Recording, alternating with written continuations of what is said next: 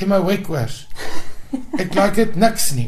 Toe ek groot geword het, ek het in 'n huis groot geword waar my ma het gehou van movie musiek en jazz en klassieke musiek. Ek het nie groot geword en toe ek klein was was Afrikaanse musiek disgusting. Dit dit word weer nou so. Daar was so 'n baie lang siklus. Dit voel vir my of Karen Zoid nou alleen kwaliteit aan die gang moet hou want ons is nou terug na totale gemors toe. Maar onthou as jy klassieke musiek getrein word, opgelei word. Mense van klassieke musiek dink in elk geval ligte musiek is gemors. Ek hou van ligte musiek wat goed is. En Afrikaanse musiek was nie in my vormingsjare nie. Ek het groot geword met oorseese sangers en ek het nog altyd gehou van jazz en hip-hop en R&B en soul en blues. My heroes is Patti LaBelle en Aretha Franklin en Anita Baker en mense wat dit 'n mens produce waarvan jy luister. Dit het my gevorm. En Afrikaans is 'n Germaanse taal en hulle is gemaak vir opera en klassieke musiek. Want daar's baie in kaas en goed. Wanneer jy in 'n opera huis staan, dan sing jy 'n opera met 50, 80 stuk orkes sonder 'n mikrofoon in 'n plek met 3000 mense. Dan moet jy sing met kaas en goedjies en so. Die manier waarop ek sing en die tipe effek en die reverb wat ek op my stem sit, as ek in Afrikaans sing en ek doen dit, maar ek vat baie lank om 'n Afrikaanse liedjie te skryf wat ek al die kaas en die gees uit en maak. Dit ontplof op 'n mikrofoon. Dis nie vir my mooi nie. Mm. Ek praat in Afrikaans, ek skryf in Afrikaans, ek doen kook in Afrikaans, maar ek sing nie in Afrikaans nie. Dit klink vir my baie lelik. En selfs die Afrikaanse liedjies wat ek sing waarvan mense hou klink vir my steeds of ek nog praat terwyl 'n band in die kombuis is. Dit dit voel vir my soos regte musiek dit is my persoonlike opinie as musikant. Ek luister ook nie na Afrikaanse musiek. Dit is nie my dit gaan nie oor die woorde nie en oor die taal nie. My keuses word my keuses in my shows en alles is musikaal. En ek ek sou in Frans gesing het want dit is my nog mooier as Engels maar kan dit nie praat nie ek is te moeg om dit te leer. So ek sing in Engels want van die, al die tale wat ek magtig is is dit die taal se klank wat die beste by musiek pas. Mense kan sê wat hulle wil. Hulle kan nou 'n ossewa in die brand opsteek van woede. Dit het niks met taal te doen nie. My keuses is volkome artisties en musikaal. Ek en my familie, ons het so groot geword. Ons keuses word nie weens kultuur of geografie gemaak nie. Ons kies wat ons dink is beste kwaliteit of die beste klank. Ons is nog altyd so. Ek dink net so moeilik soos wat dit was om 30 jaar in 90 minute op die verhoog te sit. So moeilik is dit seker om vir my te sê in hierdie 30 jaar waarop is jy die trotsste? Dat ek nog lewe. Ek is ek het ek kan nie glo dit nog lewe en ek kom uit 'n hartevol familie uit en mense wat nie na hulle self kyk op my ouderdom staat dood. So dat ek nog nie 'n beroerte hartaanval of lam van cholesterol is of al daai goed nie seker trots te op dat ek lewendig is. Ek het my lyf ongelooflik verniel deur my loopbaan. Deur die Ek het 48 mense se leeftye se spanning alreeds beleef van, van my streslevels en ek laan slaaploosheid. So ek het van standaard 8 af nog net 2 ure geslaap. Daai dit is 'n baie verouderende en 'n moeilike ding om met slaaploosheid te lewe.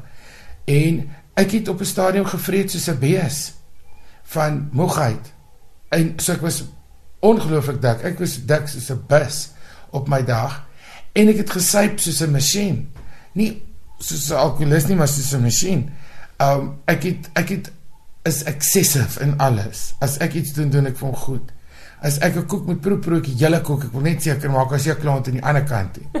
So die feit dat ek nou in 'n normale gewig is en in 'n mediese fiks toestand is en dat ek yoga en elke aand 10 km stap en dat ek teen dieselfde spoed werk as 30 jaar terug en dat ek nog nie lyk like soos 'n ding wat aan 'n boom verrimpel het en so dis 'n miracle in my lewe. Vir soos wat ek gelewe het en hoe min ek geslaap het en hoeveel ek gedrink het en gerook het en geëet het en alles verkeerd gedoen het in my jonger dae ek het alles ondersoek wat daar is wat die ergste ding is wat jy oor my kan dink het ek teen ingetraai so daar's niks wat ek vir jou kan sê wat jy nie klaar gedink het maar dit is dit is wat ek vir mense sê iemand iets oor my sê Glo dit maar, dit maak net die lewe vir jou makliker. So die feit dat ek nou 'n gebalanseerde, gesondheid het en 'n bestaan en dat ek op die verhoog kon stap in my eerste costumes van 30 jaar terug en die knoop kon toe kry. Ek dink ek is die trotsste waarop ek is nie regtig trots op my werk nie. Ek sukkel nog om iets reg te kry. So vir my is my werk 'n proses. Ek ek het daai dag gesit en dink Here moet my asseblief nie nou vat nie want ek het nog niks om na te laat. Ek wil net daai een boek skryf en daai een klassieke liedjie wat vir altyd sou bestaan en sulke goed. Ek het ek dink nie persoonlik ek is ek het tog iets gedoen wat ek kan sê okay die engele kan my kom haal. Ek los dit vir julle nie. Dit is daai die enigste ding wat vir ewig bestaan is nie musiek nie, 'n boek, 'n verhaal. Mense lees 'n storie. En ek skryf kort verhale en so maar jy skryf dit nou maar dat dit snaaks is anders loop hulle uit en so daai een serie storie, daai een beautiful novel. En dis ook die mense wat ek die meeste bewonder is iemand wat 'n roman, wel 'n goeie tydlose roman kon skryf. Dis my die ultimate mens op die aarde. Dis beter as ingenieurs. Ek gee nie om wie die wiel uitgedink nie. Jane Austen se boek Move My By ek sal met die fikante gewiel Brooklyn toe ry as ek moet kies tussen dit en 'n goeie boek. Dit dit en ek sou baie graag tyd wou gehad het om af te vat, iewers gaan ek 'n jaar afvat en al gebeur dit nie, sou ek baie graag iets wou gedoen het wat ek dink, okay, ek het 'n bydrae gemaak. As ek nou doodgaan, kan hulle al die ander goed weggooi. Hierdie dingetjie kan hulle onthou. Maak dit nog iets so ietsie. So ek dink glad nie. Dis ook met die 30 jaar ding. Ek het dit in my program ook geskryf. Daar was nie toe ek nou dink oor 30 jaar. Jy dink nie, wow nie. Ons druk die program nou al die boeke se covers en al die dit en dan sê mense, "O, jy het baie gedoen." Ja, ek het maar dis in 'n poging om uit te kom by iets wat ek dink, wow. En daar was oomblikke wat jy daar was wow oomblikke, maar dit het nie oor my gegaan nie. Daar's daar's ek het baie hoogtepunte beleef. Maar dis nie iets wat ek gedoen het. Dit's 'n geleentheid wat ek gekry het om in Frankryk in die Notre Dame de Bonport te kan orgel speel en om in hierdie kasteel dit te doen en om hierdie kunstenaar te ontmoet en om met my met Koortse te kan toer en jy het sulke goed was ongelooflike hoogtepunte in my lewe elke keer as ek langs Corlia op 'n verhoog staan kan ek fisies nie glo wat kom uit haar keel uit dit is elke keer 'n hoogtepunt vir my want ek het nog nie so goeie sangeres in my lewe ontmoet nie dan daar is daai hoogtepunte maar dit is nie deur my veroorsaak dis dis deur of jy stap in Vivian Westwood se butiek in en dan kry jy net 'n baadjie wat so mooi is dat hy na 25 jaar nog steeds attitude het. Dis my hoogtepunt, nie my eie goedjies nie. Wat jy droom vir die volgende 30 jaar? Ek wil vir 10 jaar, gaan dit dit gaan nooit gebeur nie, maar vir vir 10 jaar onder 'n boom sit. Dit is dit is my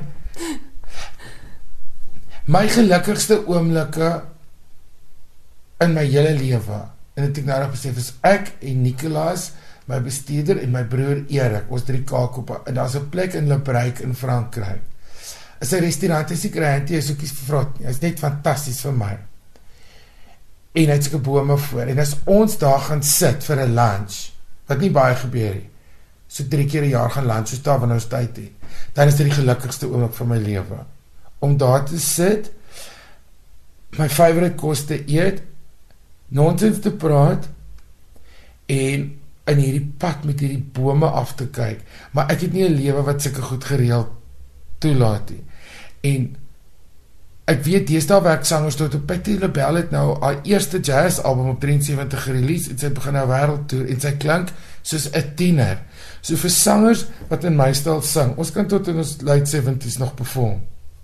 Maar mans gaan gou dood, dis vrouens so ek sal nou nie daar uitkom.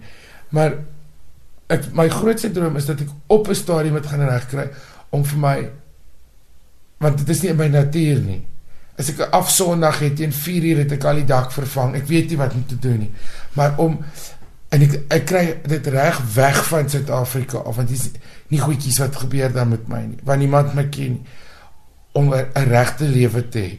Om op om wakker te word en geen afspraak te hê vir 'n dag want dit het ek nog nie beleef nie. En om nie ietsie te moet laat doen, wakker te word en besluit ek gaan of 'n dag stap of ek gaan kool plant of ek gaan 'n Uber bel en sê vat my rivier toe of ek gaan nou vir my 'n painting soek te voet deur die stad die hele dag. Sulke goed is my grootste droom dat ek dit vir lank kan doen. my mos dit werk vir nog 10 jaar en dan vir 10 jaar al my geld te spandeer na 80 'n comeback te maak. Jy weet so iets. Maar wat bietjie nie regte lewe soos wat ander mense ouer word nie, maar die wêreld sien. Ek kry te min tyd om te travel en ek het baie laat in my lewe ophou bang raak vir vir vir travel. Ek is 'n was 'n bang gewees vir vreemde goeters. Ek het dit nie geniet nie. En nou het ek dit genoeg gedoen om confident te trou en ongelukkig kos dit baie baie geld om te travel in luxury. Ek ek staan nie in 'n queue nie, want dan kan jy net by die huis bly. Dis net spanning. Jy moet jou die die lounge waarin jy sit, jou eerste klas sitplek, die kos, alles is deel van die ervaring. Dan as hy vliegtuig nou getref word deur Noord-Korea se een oefening, dan moet jy weet ek het 'n fantastiese skoon gehad net voor ons gegaan het. Ek wil nie um as ek ek wil nie ongemak beleef as ek moet ontspan nie. So ek travel en bly in luxury en dan moet ek verskriklik hard werk want dit is ongelooflike duur prosesse. Maar dan ontspan ek volkome. As my hotelkamer moet so mooi wees dat ek dit vir 'n dag nie verlaat nie. Ek wil net kyk na die kaggel en hulle bring hulle op so 'n trollietjie met 'n lang doek en 'n roos vir my kos. Met 'n uniform met goue knopies aan. Nie hierdie hoe jy so ons laat jou kos gang afgooi en dan die deur klop en hier kom een en sê Nou, daai kan ek 'n foto van jou neem in my pyjamas, jou ma, my ma sal dit nie glo nie. Jy weet daai tipe dan. Nee, nee. Om so en om om om om skoonheid te sien, net om te kyk na 'n park. Jy wil eers in hom stap nie, maar net daai goed genoeg te doen vir aanhoudend genoeg dat ek weer opgewonde is om om terug te kom en van voor af alles oor te doen.